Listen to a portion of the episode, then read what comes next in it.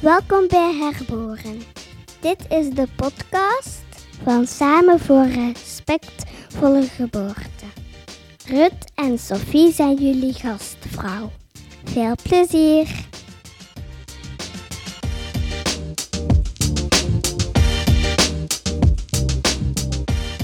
Welkom bij een nieuwe aflevering van Herboren de podcast. Uh, ik ben Sophie, ben vroedvrouw en medeoprichter van Samen voor Respectvolle Geboorte. En ik ben hier vandaag met Ruud en onze gast.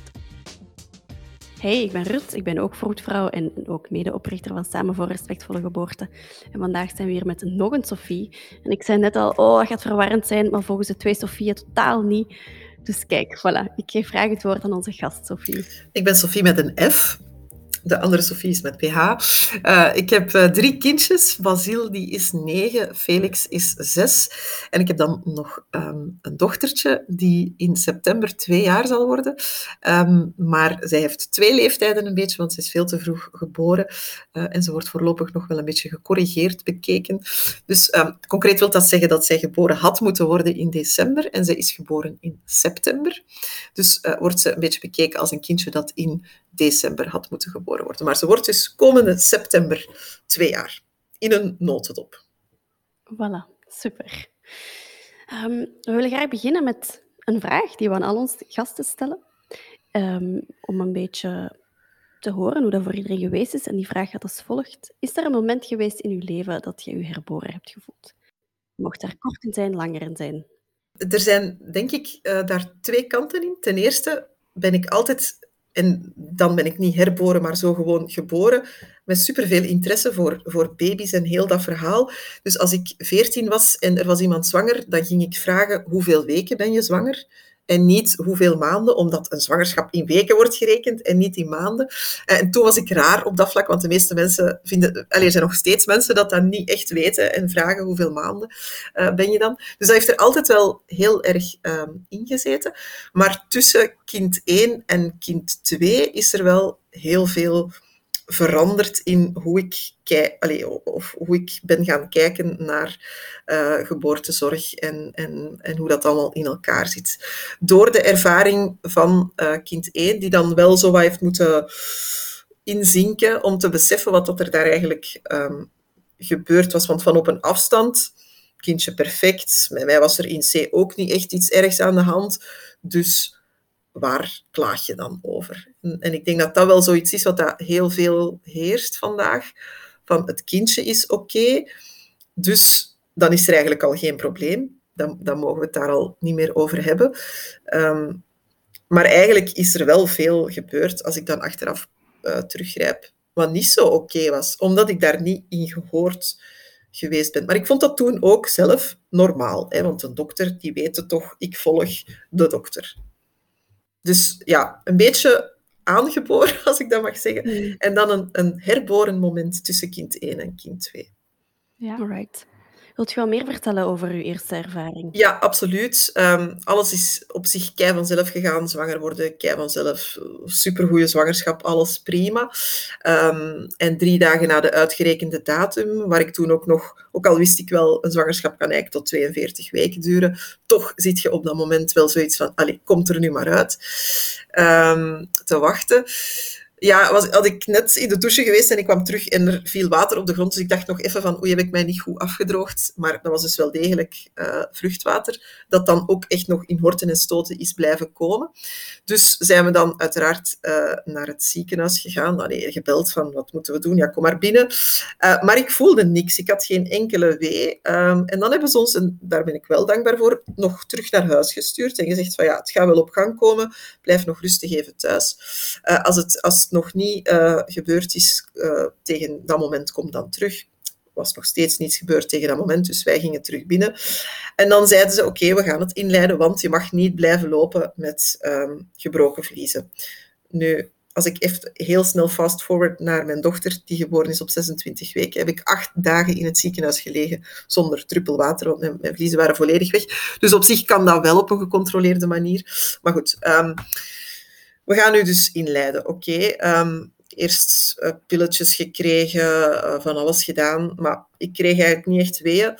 Um, En dan hebben ze mij aan een infuus gelegd en hebben ze mij dus uh, synthetische weeën beginnen geven.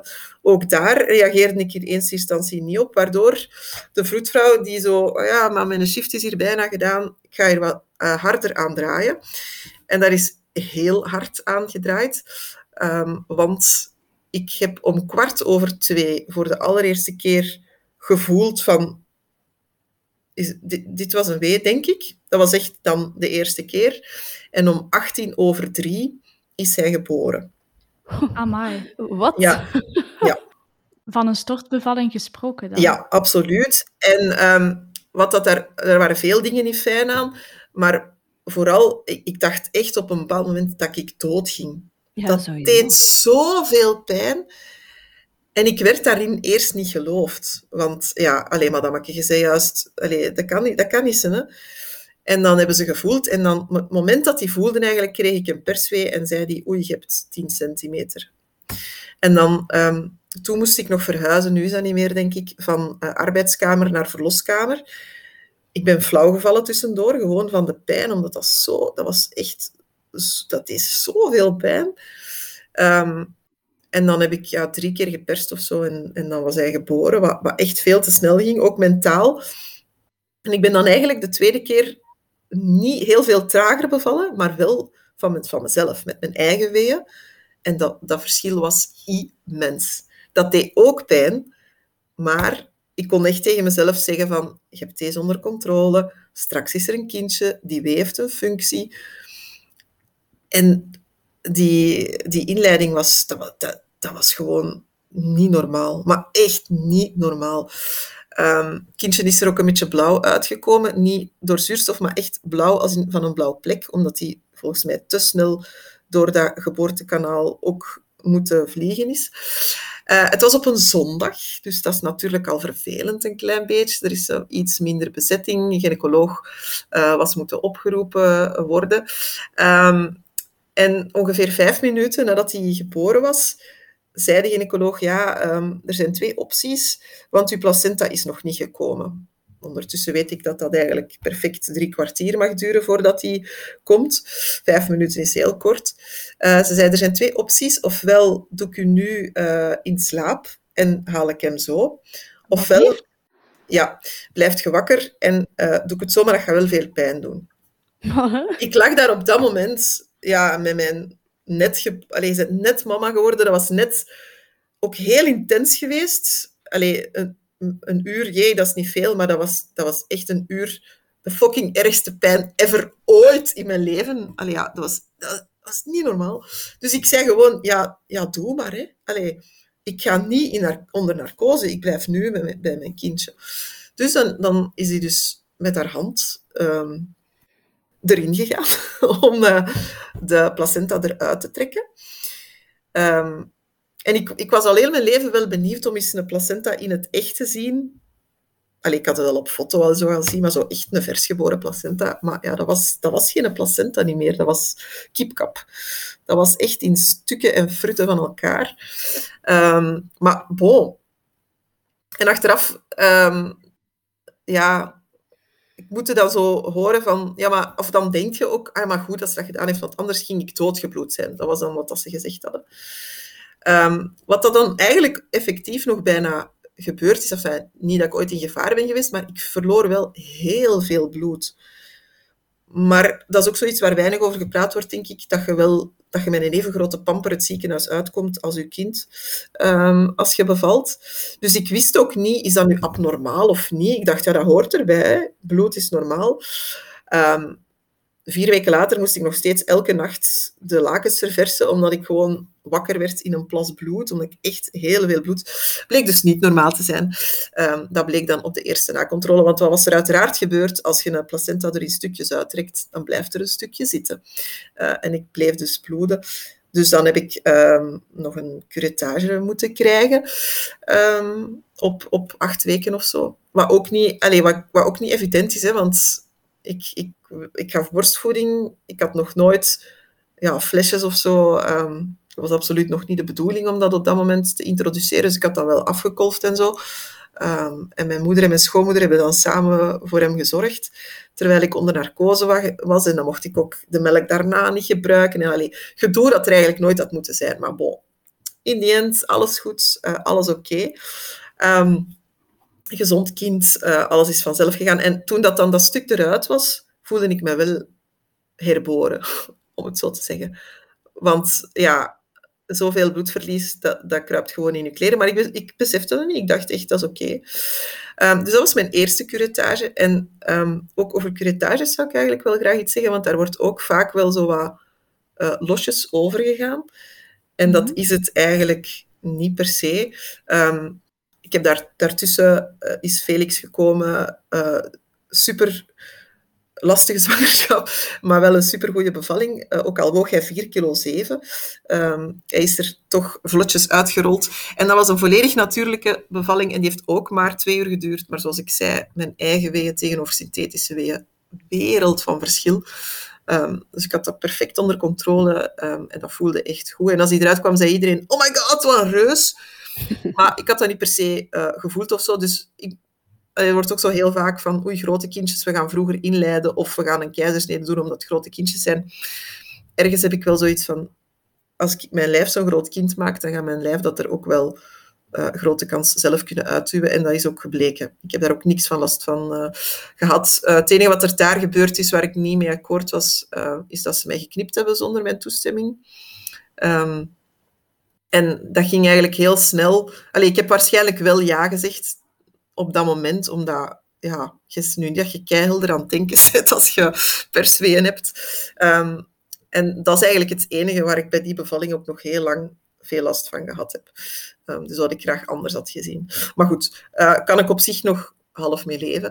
Um, maar dan ben ik opnieuw zwanger geworden en dat is uh, redelijk snel fout gelopen. Um, hoe ver weten we eigenlijk niet precies, omdat mijn spiraal eruit genomen is en ik gewoon nooit meer ongesteld geworden ben. Dus niet, allee, tot op de week weten we niet heel zeker hoe ver ik was, maar vermoedelijk rond zeven weken um, had ik uh, bloedverlies en dan ben ik uh, naar de dokter gegaan. En dan bleek uit mijn HCG-waarde dat um, uh, eerst was dat oké okay, en steeg dan nog terwijl ik voelde van dat is niet oké. En dan op een dag was dat ineens gezakt. Dus wisten we van oké, het vruchtje gaat sterven. Um, dat is heel lastig geweest, dat het vruchtje is uh, afgekomen, maar ik bleef ook maar bloeden. Ik bleef, ik bleef maar bloeden. Uh, en ik ben een paar keer naar de dokter geweest en hij zei, ja, dat is normaal, dat is normaal. Maar ik had heel veel het gevoel van, dat is, dat is niet normaal. Uh, we zijn dan op vakantie geweest en als we terugkwamen van vakantie, heb ik opnieuw een zwangerschapstest gedaan. En ik had nog steeds ik testte nog steeds positief. En als ik gewoon telde van, oké, elke dag moet mijn HCG halveren, moest ik eigenlijk al lang daaruit zijn. Dus dan ben ik terug naar de dokter gegaan mijn huisdokter dan die zei van, ja, dat is hier echt niet oké. Uh, ik had toen nog HCG van allee, ja, 900. Dat was eigenlijk nauwelijks gezakt op drie weken tijd. Zwat. Um, naar, de, naar de gynaecoloog van Wacht gestuurd op dat moment. Uh, en die zei van, oké, ja, dinsdag doen wij curetages. Jij wordt dinsdag gecureteerd. Het is nu wel dringend. Terwijl ik zelf al een paar keer was komen aankloppen en niet geloofd werd of niet gehoord werd van, maar dat is, dat, is, dat is wel normaal, mevrouw. Zeer weinig uitleg gekregen ook over die, um, over die curettage. Um, ook gewoon praktisch, hè. waar moet je zijn? Um, ja, ik, dat was zo eenzaam. Dat was, niemand wist dat ook, omdat we wouden eigenlijk niet vertellen dat we graag nog een kindje wilden. mijn lief kon niet meegaan, dus ik zat daar helemaal alleen in dat ziekenhuis. En dat was echt een kille uh, bedoeling. Ik weet nog dat ik heel hard aan het wenen was als ik uh, uit het OK kwam. Allee, als ik zo terug naar de kamer werd gebracht. En dat die um, verpleegster op dat moment vroeg, is het van de pijn of van de emotie? En dat ik zei, ja, nee, ik heb geen pijn, het is van de emotie. En dan zei die, ah, dan is het goed. ik dacht, oké dan. Uh, ik dus... dacht, oh, het is een kei goede vraag, maar zo goed, hier komt iets fantastisch. Oh. Ik had exact nee. hetzelfde. Ik dacht, ah, dat is een mooie vraag. Maar ja. dan helaas. Nee, het was, het was, ik kan er geen pilletje voor geven, dus ja, trek, trekt uw plan. Dus ja, um, maar bon, het, dat allee, kan ik misschien allemaal ergens nog uh, plaatsen. Ik had ook wel snel zoiets van: oké, okay, dat is de natuur geweest. Uh, ik vind het heel erg, maar we gaan er gewoon opnieuw voor. Maar ik kreeg geen cyclus. Enfin, ik kreeg geen regels. Uh, ik voel mijn lichaam vrij goed aan. Ik wist heel goed, ik heb nu een ijsprong. Maar er kwamen twee weken later geen regels. Dus ook daar terug naar mijn gynaecoloog gegaan. Ook weer hetzelfde verhaal van jouw lichaam moet op gang komen na, na de miskraam. Bla. Maar ik voelde gewoon, het is niet oké, er klopt iets niet. Uh, en ik heb eigenlijk heel erg moeten aandringen om onderzocht te worden uh, daarin. en uiteindelijk zei ze van oké, ik ga jullie naar fertiliteit sturen, wat ook zo absurd was, want ja, daar hadden we dan een intake en dan zeiden ze, oké, jij mocht dan in een potje, we gaan het staat van uw man onderzoeken. En ik had zoiets van, nee, hè. Allee, hij heeft mij drie keer van de eerste keer zwanger gemaakt. Is oké, zijn zaad is in orde. Er is een probleem opgetoken bij mij na het vroeg zwangerschapslief, na de curettage. Je moet mij onderzoeken. Ja, mevrouw, maar dat is toch standaard dat we zowel de partner zeg maar, allee, we gaan toch geen geld verspillen in het onderzoeken van mijn, lief, als we weten dat dat niet nodig begint gewoon bij mij. Ook ja. Na veel aandringen heb ik uiteindelijk een uh, kijkoperatie, een hysteroscopie gekregen. Um, en ze raakte met de camera zelfs niet binnen. Dus het was volledig toegegroeid uh, langs binnen. Ik had natuurlijk op voorhand allemaal al wel gegoogeld en ik wist dat er zoiets bestond als het syndroom van Asherman. En gynaecoloog had gezegd, maar dat is zo zeldzaam, dat komt eigenlijk nooit voor. Uh, dat gaat het zeker niet zijn. Ja, dat was het dus wel. Um, en toen, dus ik lag daar, dat is, dat is ook niet zo'n zo fijne operatie. Allee, uh, je bent wakker, dus je kunt ook wel meekijken. Dat is niet dat dat heel veel pijn doet, maar dat is een heel onaangenaam gevoel met zo'n camera. En er wordt de hele tijd water ingespoten om, om dat te kunnen blijven zien. Dus dat is echt niet zo fijn. Um, en dan gingen we dus terug naar haar kabinet, als dat allemaal opgekuist was. En dan zei zij... Um, ja, dit is het dan. Hè. Uh, je, je, kan geen kinderen meer krijgen. Maar ja, je hebt er al twee. Hè. Maar allee. Dan dacht ik ook, sorry, maar dat is echt niet aan u. Zeker weten dat zij zelf drie kinderen heeft, om dit nu te zeggen.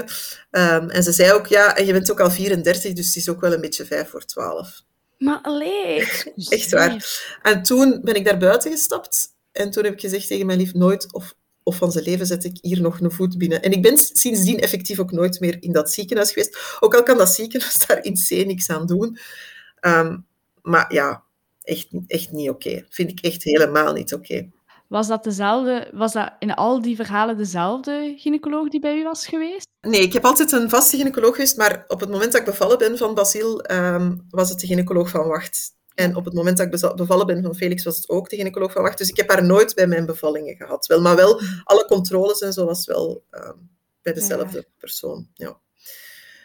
Uh, het, ze heeft wel nog één ding goed gedaan, uh, en dat is um, contact gemaakt met uh, UZ Gent, professor daar, omdat hij daarin gespecialiseerd is en omdat hij misschien nog wel iets voor mij kon betekenen. Um, niet per se, allez, in mijn hart wel natuurlijk om weer zwanger te worden, maar vooral ook omdat ik veel pijn had. Omdat die regels niet doorkwamen, maar dat daar wel zat natuurlijk, maar dat kon gewoon geen uitweg vinden, had ik wel echt heel veel buikpijn uh, op het moment um, dat ik eigenlijk mijn regels had moeten hebben. Dus er, er moest sowieso wel allee, iets gedaan worden. Um, en dat zou dan een mooie bijkomstigheid zijn als ik dan weer toch zwanger zou kunnen worden. Maar het was initieel ook vooral om, om die pijn um, weg te nemen. Um, en ik ben dan naar daar gegaan, die heeft mij geopereerd um, met succes.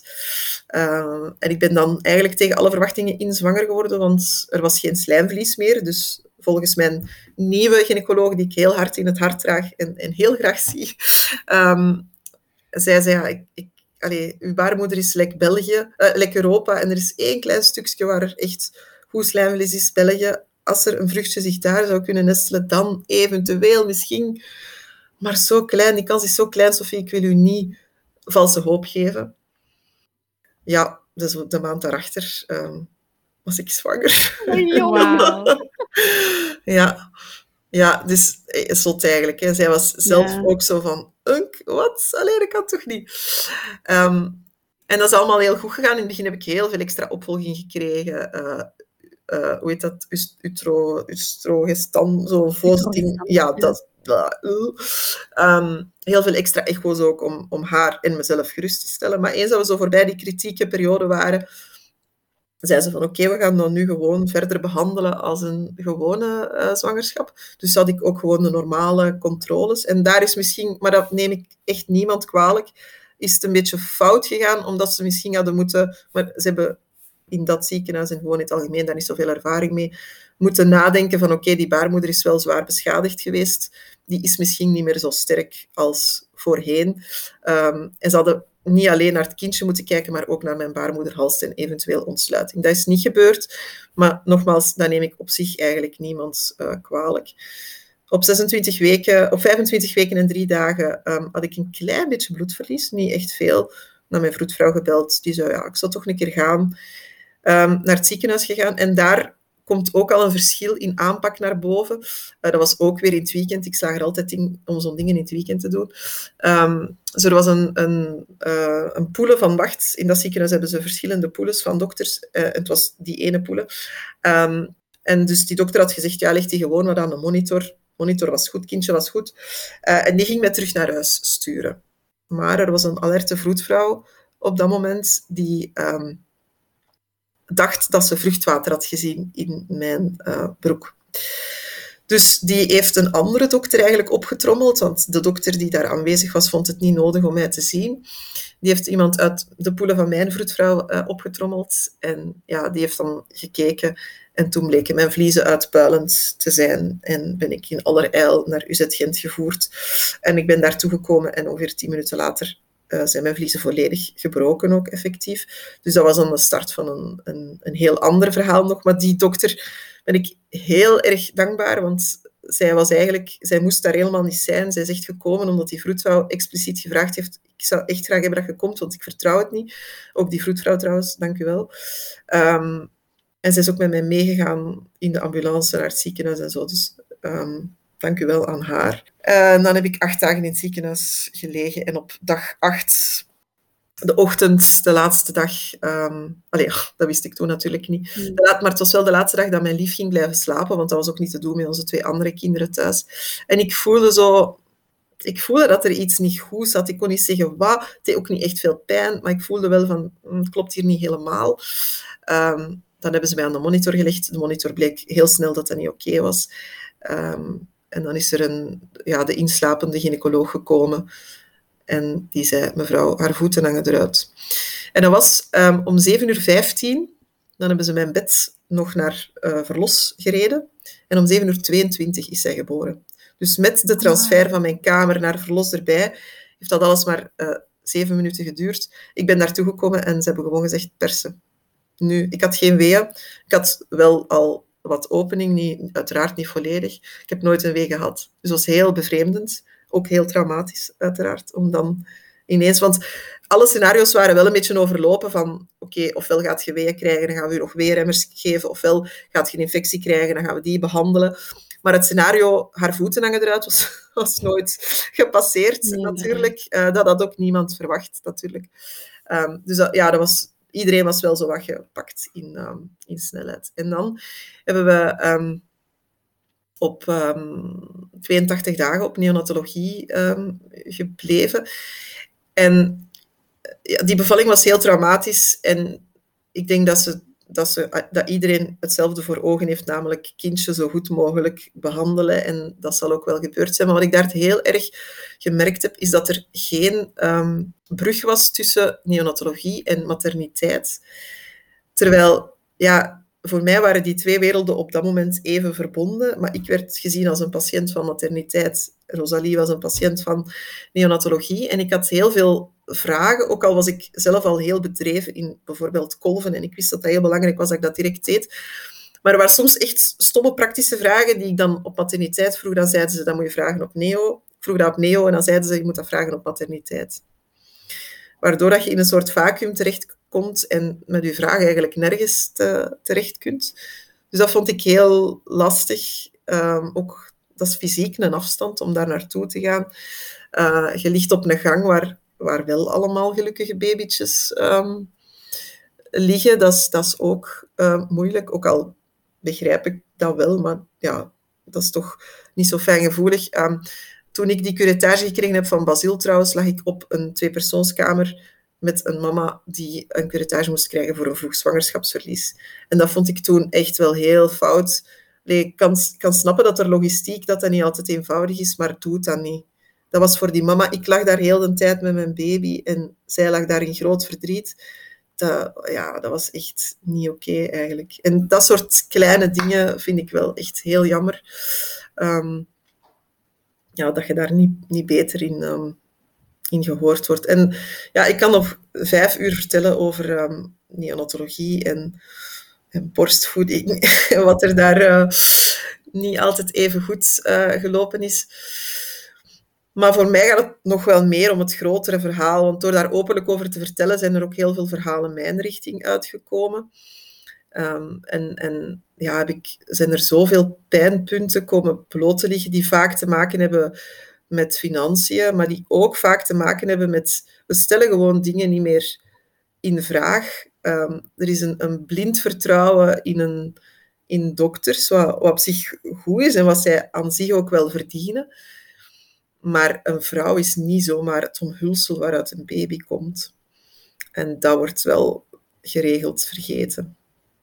En ik weet nog, ik herinner mij dat ik op een bepaald moment lag te buidelen um, op neonatologie en dat er twee vroedvrouwen tegen elkaar um, aan het vertellen waren van goh, ik snap niet waarom mensen niet in een ziekenhuis zouden willen bevallen. En allee, je ziet toch wat dat hier ligt, dat dat hier allemaal fout was. En ik, ik was toen echt van uh, jawel, Allee, ik heb nu ongeveer het ergste meegemaakt. Ze was bijna dood gegaan.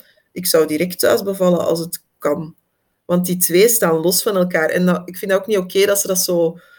Ja, als je niet in een ziekenhuis bevalt, dan, oeh, dan doet je toch heel gevaarlijk. Nee, er wordt heel goed nagedacht over welke omstandigheden wel geschikt zijn voor thuis te bevallen en welke niet. Um, en er wordt ook heel weinig gepraat over um, wat bijvoorbeeld de negatieve gevolgen van een epidurale kunnen zijn en hoe vaak dat, dat dan in andere complicaties die dan niet ernstig worden beschouwd, want het kindje is toch oké. Um, ja, daar wordt, daar wordt allemaal zo weinig over gepraat en dat vind ik heel, heel, heel jammer. Ja, terecht. Allee, dat is superbelangrijk, dat eerlijke informatie op de mensen komt. En dat is allee, ook in borstvoeding, wat dat dan niet per se geboortenemer is, maar daar vlak na. Um, ja, ook daar, hè, er is een, een groot gebrek aan info. Um, bij hulpverleners, bij, bij artsen, jammer genoeg, ook echt heel erg. Kinderartsen, die daar toch... Ja, dat is een beetje hun core business voor een stuk.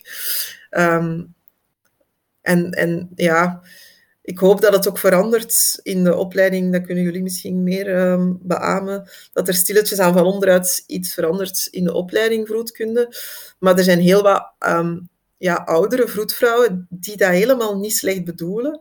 Zeker niet, maar die met bepaalde dingen in hun hoofd zitten die, die ze dan opleggen aan andere mensen um, die net niet sterk in hun schoenen staan, want je hebt net een meloen door een klein gaatje geduwd. Dus ja, je, je, staat niet, je zit gewoon niet op je sterkst als je net bevallen bent. Um, en, en ja, daar is nog heel veel werk, denk ik. Heel ja. veel werk. Wij denken dat ook. Daarom denk ik dat jullie dit begonnen zijn. Hè? Maar... Ja, voilà. Absoluut. ja, absoluut. En borstvoeding is inderdaad niet hetzelfde als de bevalling zelf, maar, maar het hangt allemaal zo samen aan elkaar. En, en die respectvolle geboortezorg, ja, dat hoort daarbij. Hè? Ja, voor mij is dat ook, hoort borstvoeding eigenlijk wel. Allee, dat is gewoon, dat hoort wel bij een zwangerschap, hè, want dat, dat is wat dat er geactiveerd wordt als je bevalt. Uh, en met geactiveerd bedoel ik niet gewoon de kraan opendraaien, want het is iets ingewikkelder dan, dan dat. Um, maar ja, dat is wel een beetje een uitloper van uw, van uw zwangerschap. Hè. En je, ja, kunt daar, je kunt er uiteraard voor kiezen om dat dan niet te doen. Um, maar als je het gewoon puur fysiologisch bekijkt, dan, dan is dat gewoon nog een uitloper van je zwangerschap. Een soort vierde trimester, wat dat dan in mijn geval nog jaren duurt. um, maar ja, ook daar. Oh. Ik, allee, we kunnen dat zo nog keihard opentrekken, want ik vind zelfs dat ja, vrouwen moeten veel te snel gaan werken. Veel te snel. Allee, als ik zie waar, waar de productie diep zit, dat is gewoon knal op het moment waar, waar mama's moeten gaan werken. En, en als, we ook dat, als we daar zouden durven in investeren, van oké, okay, we mogen wel langer bij ons kindje blijven, als je dat wilt, hè, want als je dat niet wilt, ook prima, um, dan denk ik dat we op lange termijn daar zoveel vruchten van zouden plukken. Allee, ik denk dat, ik ben er eigenlijk echt, echt van overtuigd. Maar we hebben de oprechte optie op dit moment niet echt, hè? Nee. En uh, als je een, een goede functie hebt, een goede job, waarmee ik bedoel dat je wel wat voordelen hebt, dat je wat verloven achter elkaar kunt plakken, je hebt een begripvolle manager of wat dan ook, dan meestal krijg je wel iets geregeld, soort van. Maar dat is echt gebaseerd op goodwill en gebaseerd op een gunst. Het is ook heel vaak, wordt het u gewoon niet in dank afgenomen. Hè. Als, stel, je hebt de optie om die verloven aan elkaar te plakken, maar je komt dan terug en je toffe job is, is weg en, en je krijgt de overschotjes omdat je dat gedaan hebt. Ja, als ik want ik heb zelf nooit officieel golfpauzes aangevraagd of zo. Ik, ik, ben gewoon met mijn baas gaan praten, mijn toenmalige baas. Ik heb gezegd, kijk, ik, ik ga lang borstvoeding geven, dat, dat is zo. Um, ik ga gewoon golven, is dat oké voor u? Als ik sorry dat mijn werk gedaan is. En gelukkig, allee, echt chapeau, want het was een man. Allee. En die zei, ja Sophie, als uw werk gedaan is, dan interesseert mij eigenlijk niet zoveel waar of hoe. Of, allee, uh, en ik heb wel eens het uh, sporadisch mopje over de melk in de frigo moeten verdragen, maar kan dat wel counteren ook. Ik heb heel vaak gewoon verder gewerkt aan mijn bureau, bedekt, of als het te veel lawaai maakt, want ik werkte toen met de radio, dus allee, uh, in een ander lokaaltje met mijn computer gewoon verder voorbereid. Niemand had daar last van.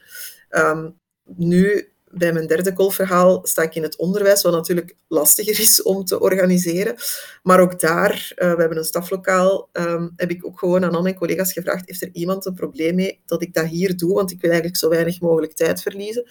Als dat zo is, dan begrijp ik dat en dan zoeken we een oplossing. Als dat niet zo is, dan ga ik dat gewoon hier doen.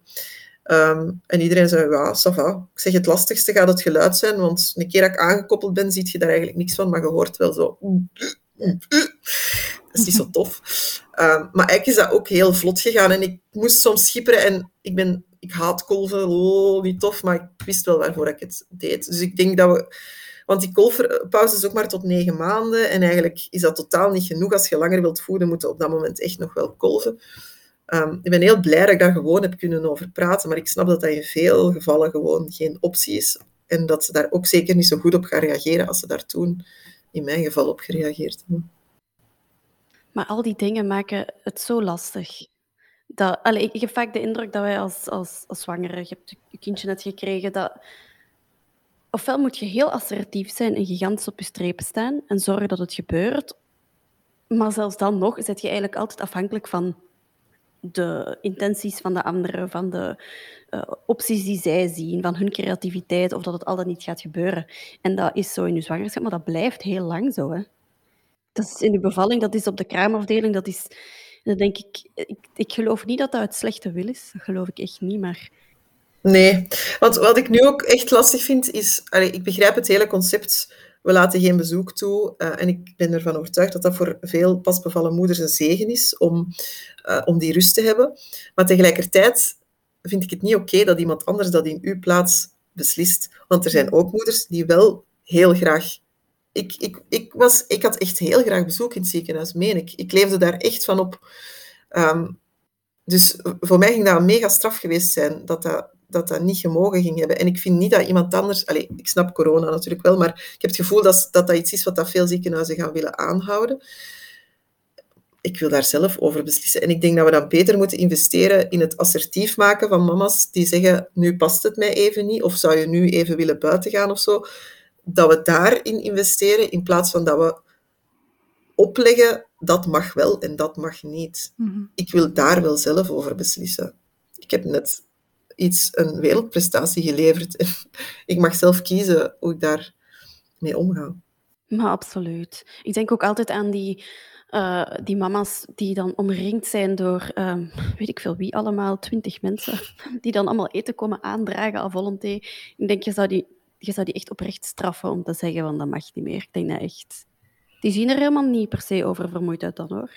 Soms wel, hè. soms niet. Maar dan denk ik, maar dat is ook niet aan ons. Je kunt ook vragen als zorgverlener, ça is het oké? Of zet ik het even buiten? Je, je kunt daar toch over babbelen?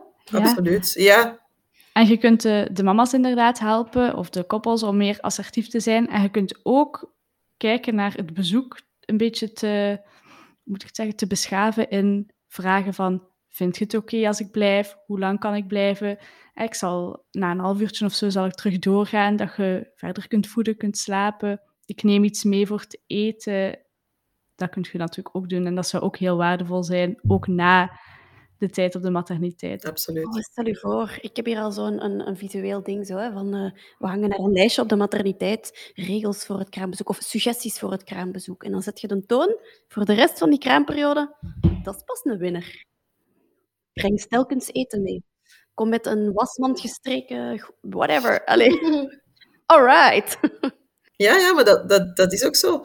Um, maar het feit dat dat zo nu voor u beslist wordt, oh, dat vind ik lastig. Omdat dat, omdat dat iets is wat dat wel doortrekt in heel het verhaal waar we nu zitten, een beetje over medicalisering, maar ook echt wel een beetje, er wordt boven uw hoofd beslist.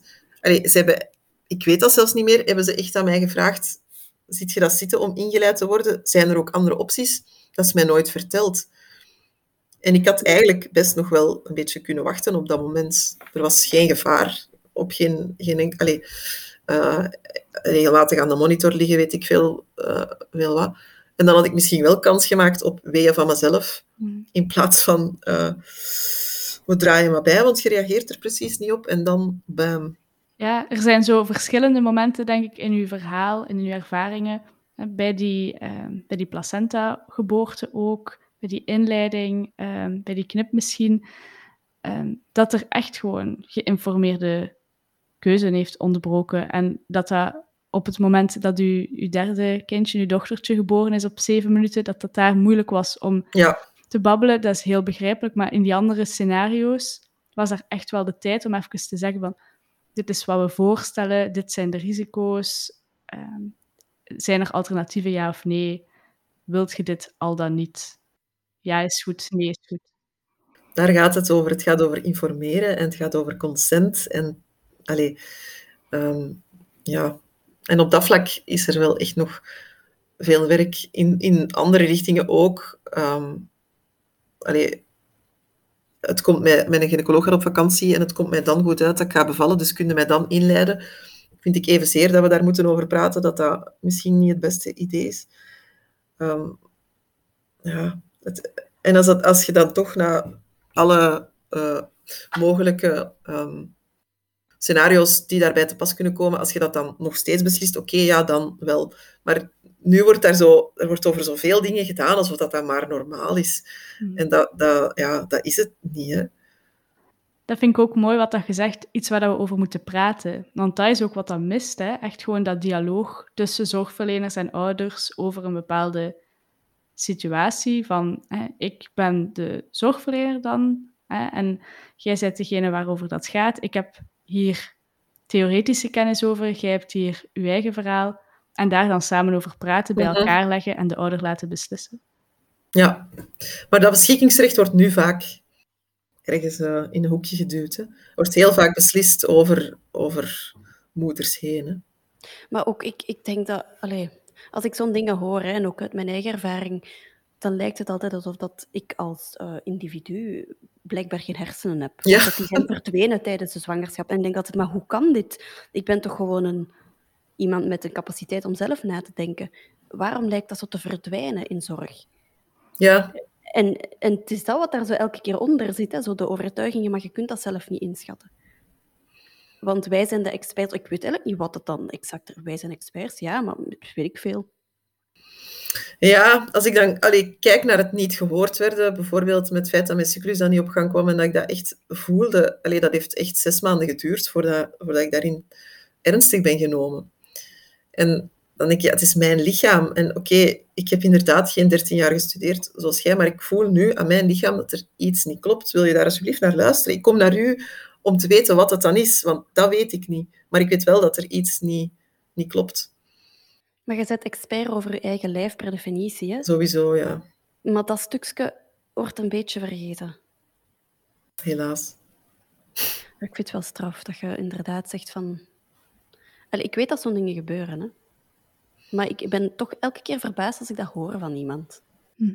Ik ben te naïef, denk ik. Maar, maar dat denk ik, verdorie, het is echt, het is, het is echt zo dat mensen niet serieus worden genomen à volonté. En oh, zijn we nu echt nog niet verder dan dat? Ja, nee, blijkbaar niet. Nee. Ja, want allee, dan ook als ik met dat bloedverlies van mijn derde zwangerschap, dat die dokter mij naar huis wilde sturen zonder, het heeft mij nooit gezien. Hè. Ja, ik, je voelt u al, want we, ja, oh, sorry dat ik hier kom binnenvallen op een zaterdag, maar mijn vroedvrouw had gezegd dat ik toch eens moest langskomen. Zo. Je, je, je hebt al zoiets van, ah, ik ben hier weer aan het overreageren of zo. Allee, weer, gewoon, je, je hebt ergens toch zo'n gevoel van, oei. Terwijl, nee, hè. Allee, als, je het, als je niet zeker bent, dan gaan we, gaan we ervoor zorgen dat je zeker kunt zijn. Hè. Absoluut.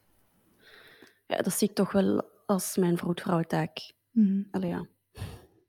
Ja, en dat is, dat is een superbelangrijke zaak. Maar sowieso vind ik dat het beroep van vroedvrouw ook opgewaardeerd mag worden. Hè? Want laten we eerlijk zijn, we hebben een gynaecoloog eigenlijk niet nodig als alles goed gaat. Hè? Een vroedvrouw is, is meer geschikt, alleen meer geschikt. Enfin, zo, de, we kunnen niet bevallen zonder de dokter. Hou het nog even zien, want de dokter is hier nog niet. Nee, de dokter. Allee, het is goed dat die dokter er is, hè. maar in C, als alles goed gaat, is die dokter helemaal niet nodig. Hè. En zelfs de vroedvrouw eigenlijk niet. Als in, Ja. bedoel, Nee, maar, eh, Maar het is wel handig om het is wel iemand te hebben. er iemand in de buurt Want nog zoiets, allee, dat is ook iets klein, hè, maar de, de bevalling die dan goed gegaan is bij Felix, ehm, moest ik zo, ja, met zo, zo'n ding eh, om. Allee, de monitor moest eigenlijk aan mijn buik blijven. Maar ik, ja, in dat, eh, toen is mijn water gebroken om kwart over één, nog geen wee, en om eh, elf over drie zijn geboren, dus dat was ook heel snel. Ehm, en ik kon dat gewoon niet verdragen. Ik kon dat ding op mijn buik niet verdragen. En dan, omdat ik dat dan al had afgezwierd, maar allee, ik had echt weeën heel snel achter elkaar, het ging echt allemaal heel snel, dan was er zo heel de tijd iemand die met zo'n doppler constant tegen mijn zwanger lijf kwam hangen en ik, ik, ik wilde dat gewoon op dat moment niet. En ik snap, het is belangrijk dat we weten dat de baby het goed doet, maar ja, is dat nodig om daar continu rond mij te hangen, om dat continu te monitoren? Allee, voor wat mij betreft niet. Ehm, Maar, ook, maar zelfs daarin, hè, Sophie, als je, als je vindt dat dat voor u niet nodig is, allee, dan, dan gaat het gaat niet altijd over de meest veilige optie en dat moet daarom gebeuren. Hè. Als jij zoiets hebt op dat moment, eh, nee, blijf van mij af, eigenlijk is dat voldoende. Hè.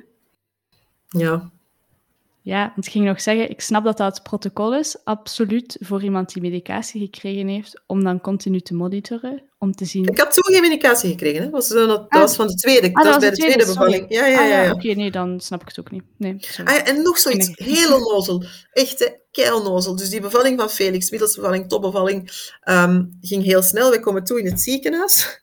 Protocol van het ziekenhuis, ik moet in een rolstoel. Ik mag niet van de ingang van het ziekenhuis naar materniteit zelf wandelen. Echt waar, maar echt waar, hè. Ik wilde wandelen. Ik bedoel, wat dat ook veel beter is voor uw arbeid, by the way. Maar ik wilde, ik kon zitten, dat ging even niet. Dat, dat, allee, hallo, ik heb hier weeën om de twee minuten of om de minuut. Shut the fuck up, hè, wat moet ik hier in een rolstoel? En gelukkig was ik bij kind 2 al wat slimmer. Ik had een vroedvrouw meegenomen naar het ziekenhuis. En die heeft gezegd, ja, ja. En achter de hoek hebben wij dat gewoon eh weggezwierd. Maar dan denk ik, maar alleen mannetjes, hoe kan dat nu? Dat ik niet mag beslissen om te stappen? Want dat is echt zo absurd dat het zo komisch Maar wordt. ja, maar dat, dat was ook echt een komische situatie. Maar we hebben daar echt nog mee staan lachen. En niet heel veel later had ik geen tijd om tussen twee weeën nog te lachen. Dus eh, ik herinner me dat moment echt nog dat wij daar zo stonden. Want dat is menen dus toch niet dat eerst daar ruzie te maken over een rolstoel. Ik had al boven kunnen zijn. Ehm, en, en het zit hem echt ook soms in dat soort... Allee, protocollen die moeten er zijn, snap ik wel. Maar sommige zijn zo uitgehold en zo niet meer in vraag gesteld en, en zo dictatoriaal en niet nodig. Er gaan niet meer geld... eh, het gaat niet meer geld kosten om bepaalde protocollen te veranderen. Het gaat ook niet eh, onveiliger zijn dan dat te doen. Dus daar moeten we wel durven over nadenken, denk ik. Ja, en dat lijken mij nu ook niet de meest ingewikkelde dingen om over na te denken. Echt waar. Dat is echt gewoon letterlijk kijken naar de situatie voor u en wat is hier nodig. En Ik vraag mij ook af wie dat, dat dan ooit beslist, ergens achter een bureautje, om te zeggen, de regel is dat ze niet zelf naar boven mogen. Wie houdt zich Maar daar in godsnaam mee bezig? zou wel zijn, want ik, allee, ik kan me niet echt inbeelden hoe je dat anders verzint, zoiets. Nee. En dat, dat zit hem in... Allee, op neonatologie, dat- echt, maar dan zijn we echt nog twee uur bezig. Hè. Maar daar was er echt een hele strenge regel over wanneer er aan de kindjes eten mocht gegeven worden. Veel te weinig voedingen ook, naar mijn gevoel. Maar zwart, dat is nog een verhaal apart. Eh, op een bepaald moment dat mijn dochter... Gaf zij tekenen die ze echt niet vaak gaf, want ze was nog heel zwak. Ze was op dat moment uh, zwangerschapsleeftijd 35, 36 weken, denk ik. Uh, en ze gaf aan van, oké, ik wil nu drinken. Iets wat dat, waar ik echt zag gebeuren en dacht, oh yes, eindelijk gebeurt het. Dus ik ga haar aanleggen. En ik mocht haar dan niet aanleggen. Ik moest daarvoor eerst toestemming krijgen van de dokter, die ook niet echt knaldaar was. Dus ik moest die dan nog gaan zoeken. En tegen dat, dat die toestemming in orde was, ja, was het moment voorbij, was zij terug in slaap gevallen. En dat is ook zo'n protocol waarvan ik denk, echt, uh, stik het waar de zon is schijnt. Dat, ja, dat, is gewoon niet oké. En dat, dat, dat ging ook wel soms af van vroedvrouw tot vroedvrouw. Iemand die daar nog niet lang werkte, die heel nog, oké, dat zijn de protocollen, ik moet daar heel erg naar luisteren. Ook niet slecht bedoeld. Um, ik ga dat toch eerst doen zoals het moet, terwijl iemand anders misschien gezegd heeft, ligt maar op aan en niemand heeft het gezien. Hè. Zo zou ik zijn, sowieso. Ik zou veel botsen, denk ik, met ziekenhuisdirecties ook, ook wel. Ehm, maar ja, dat zijn zo van die kleine dingen die eigenlijk wel heel groot zijn. Hè. Maar en, ja. ja, dat is echt waar. Ik hoop dan altijd, als ik ooit als vroedvrouw zou werken in een ziekenhuis, dat is niet mijn plan, maar stel, dat ik eh, de moed vind om dat gewoon aan te kaarten zonder dat stiekem te moeten doen. Om echt out in the open te kunnen zeggen van, beste allemaal, dit protocol is niet behulpzaam. En ik wil heel empathisch zijn en snappen waarom dit er is. Maar we moeten echt kijken naar de individuele situatie. Mhm. Maar ik voel me daar op dit moment zeker niet moedig genoeg voor om dat te doen. Maar ik denk dat... Moest iemand dit horen, by the way, en gewerkt? Ja, maar ik voel me ook nog niet moedig genoeg. Eh, maar ik zou heel graag wel het gesprek aangaan, uiteindelijk, met uh, UZ Gent Neonatologie. Ik ben hen zeer dankbaar, want dankzij hen leeft mijn dochter en, en het is een fantastisch kind. Maar er zijn heel veel dingen die daar anders zouden kunnen gaan en waar, waar we met gewoon een dialoog ver zouden geraken. En die gewoon eens in vraag moeten gesteld worden. Het is niet omdat iets al tien jaar zo is, dat we dat niet meer in vraag mogen stellen. Alleen vroeger mochten we roken op ons werk. Er is niemand die daar nu nog mee akkoord zou gaan. Het is niet omdat dat 25 jaar geleden zo was, ja, we moeten gewoon voortschrijdend inzicht. Hè. Er komen nieuwe onderzoeken, er, we komen alsmaar meer te weten, dus we moeten dat ook meepakken. Maar vergeet ook niet dat het effectief elke keer opnieuw een individuele situatie is. Net hetzelfde met, zo bijvoorbeeld een, een echo of zo, dat er nu mannen niet mogen meegaan, ook onder het mom van corona. Je zet, je, wel, allez, de meeste vrouwen zijn geen tien keer zwanger. Hè. Je doet dat één keer, twee keer, drie keer, dat is al veel. Dus je kunt dat gewoon niet opnieuw doen. Je kunt dat ook niet nog eens meemaken. Dus moeten we toch zorgen dat... Het is geen trialproces. Je, kunt, je kunt zeggen, oei, mijn cake is mislukt. Ik ga nog twintig cakes bakken totdat hij goed is. Maar zo gaat dat niet mijn kindje krijgen. Dat, dat is zo uniek dat we dat elke keer wel met diezelfde individuele blik moet moeten bekijken. En het kan zijn dat dat voor een gynaecoloog al de 300.000ste keer is die een dag dat hij een 20 weken echo moet doen. Maar, of, of dat eerste hartje, net hetzelfde. Allee, dat is zo'n zot moment. Ja. ja. En Sophie, vanuit uw ervaringen die je nu gehad hebt als uh, ja, in zwangerschap, fertiliteit, uh, NICU, materniteit, allemaal. Wat zijn, als je zo één iets zou veranderen, of een, een paar dingen zou veranderen, voor meer respectvolle geboortezorg te krijgen? Hè, zo, hoe zou je dat dan aanpakken? Wat denk je dat een groot verschil zou maken? Ik denk uh, dat informeren echt een heel groot verschil zou maken. Zodat je... Maar in de informeren bedoel ik ook, zoals Ruud het daarnet zei, van kijk, dit zijn nu opties en dan kan je daar zelf over beslissen. Dat valt ook voor mij onder informeren. Um, en ik denk dat we ook collectief wel zo'n beweging moeten doen naar terug een beetje normaliseren wat het is. Het is zwanger zijn en het is bevallen. Um, het is niet ziek zijn. En het, pas op, ik ben het levende bewijs dat het ook heel veel mis kan gaan. Hè. Um, maar laten we dat proces, hoe wonderlijk dat het is, ook echt um, in zijn kracht zetten. Er, er zijn heel veel aspecten allee, die ons veel informatie ook geven over, over bevallen. Allee, eigenlijk, als je goed naar je lijf leert luisteren, leert luisteren, want niet iedereen leert dat natuurlijk, dan kun je daar echt superveel informatie uithalen in, in het bevallen zelf. Ook in het borstvoedingsverhaal of, of kraamtijd. Ja, en, en weet je, baby's zijn geen mini-volwassenen. Hè. Baby's worden veel te vroeg geboren, omdat ze anders niet meer door dat gat geraken. Maar eigenlijk zijn die totaal nog niet klaar. Die moeten nog veel bij u zijn en uw hartslag voelen. En, en zo, daar zou ik wel in heel het, echt het hele verhaal, van het prille begin tot het einde, wel meer naar zo, ja, terug onze buik, wat meer onze buik, waar het allemaal gebeurt. Hè.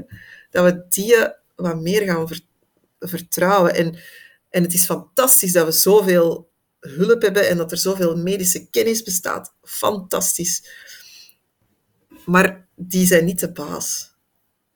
Het is elke keer opnieuw een uniek verhaal van een mama en een kind en, en een partner en allee, alles wat dat daarbij hoort. En misschien een heel village in het beste geval uh, dat er nog bij hoort. Maar dat we dat verhaal toch... Ja, dat we gaan, gaan luisteren naar de verschillende stappen die daarin zitten. Mm En ook meer voor de vroedvrouwen. Ik, ik vind dat jullie echt meer... allee, geen bijrol hebben, maar een hoofdrol. Zowel voor... Want ook iets... Bijvoorbeeld bij vroegzwangerschapsverlief kan je ook een beroep doen op een uh. Veel mensen weten dat zelfs niet. Um, dat soort dingen, jullie kunnen zoveel betekenen.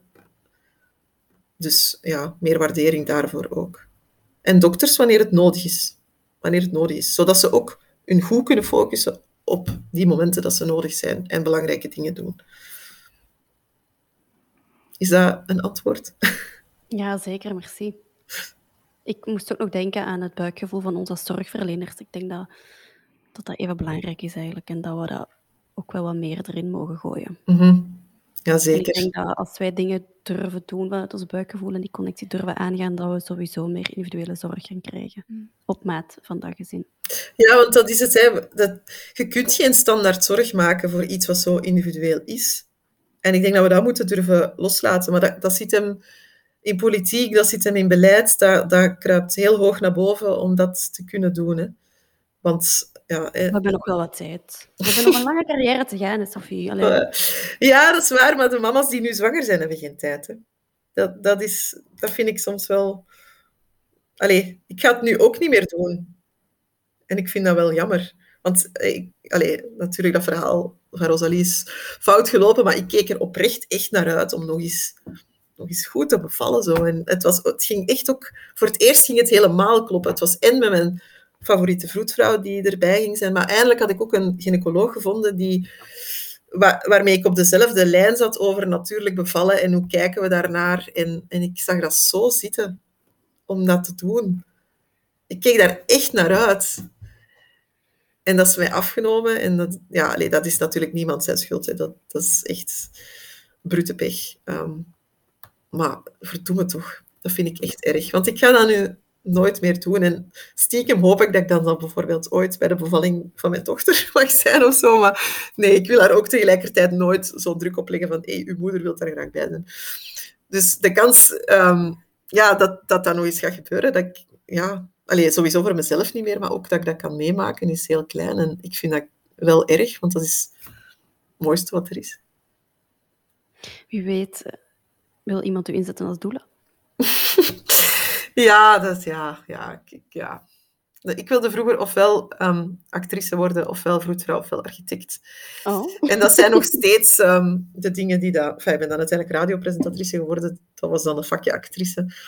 Maar dat vroedvrouwstuk zit er nog steeds in en dat architectuurstuk is ook nog altijd mijn data. Dus wie weet. Zo, ik zou ergens graag ooit zo een ruimte creëren die ik dan helemaal mooi kan inrichten, waar mensen kunnen langskomen voor alles, al hun vragen over borstvoeding, voor verbinden, over waar je gewoon op je gemak koffietje kunt komen drinken, uh, waar ook een podcasthoekje is, waar dat we dan kunnen uh, dingen opnemen. En dan ja, het stukje verlies, dat zit ook nog in mijn verhaal.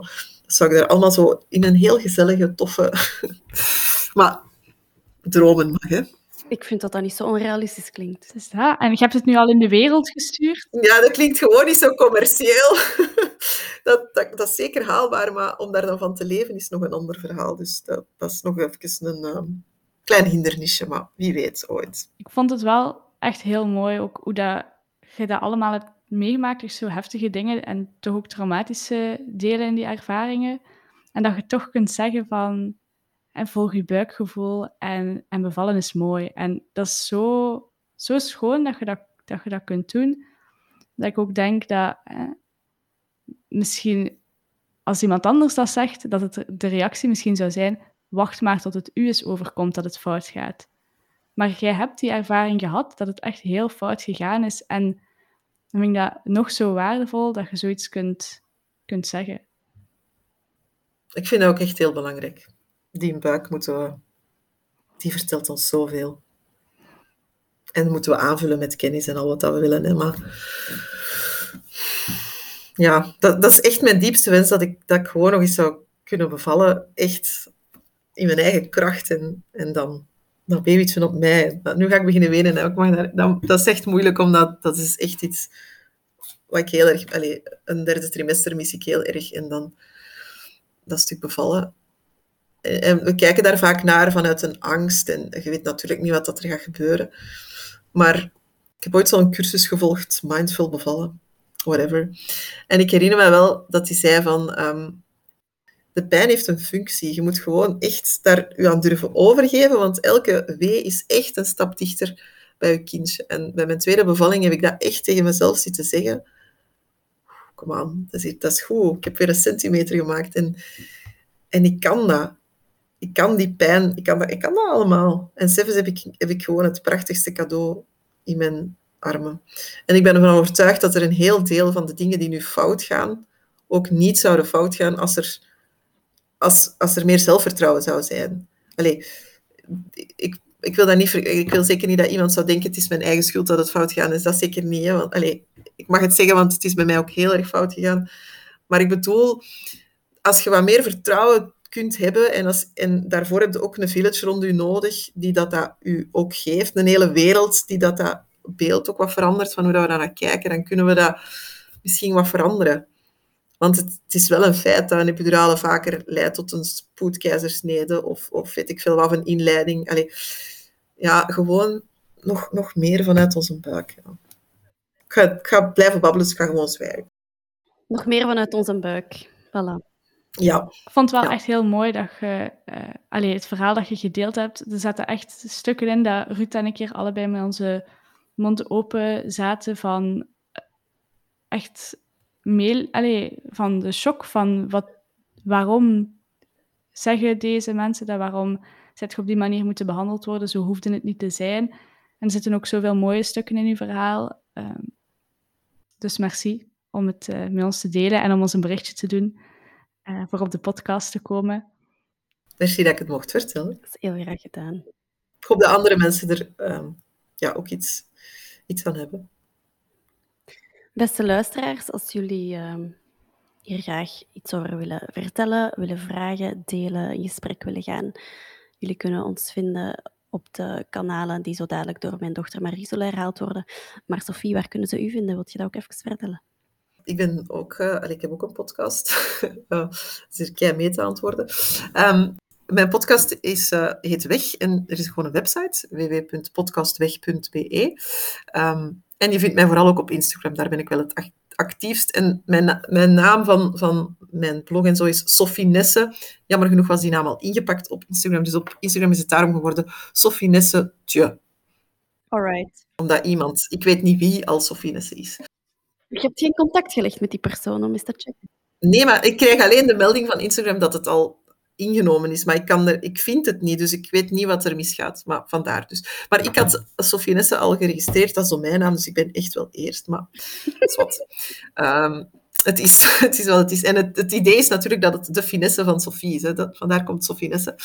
Um, ik heb ook een website, www.sofienesse.be.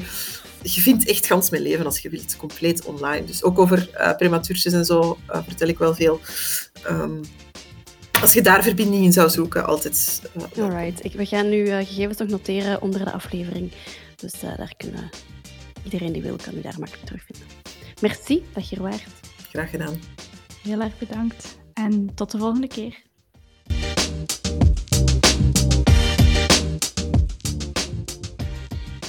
Bedankt om te luisteren. Je kan ons terugvinden op respectvollegeboorte.be. Of je kan kijken op Facebook of op Instagram. kan ons ook een mailtje sturen. Dat kan op samen@respectvollegeboorte.be. Tot de volgende keer.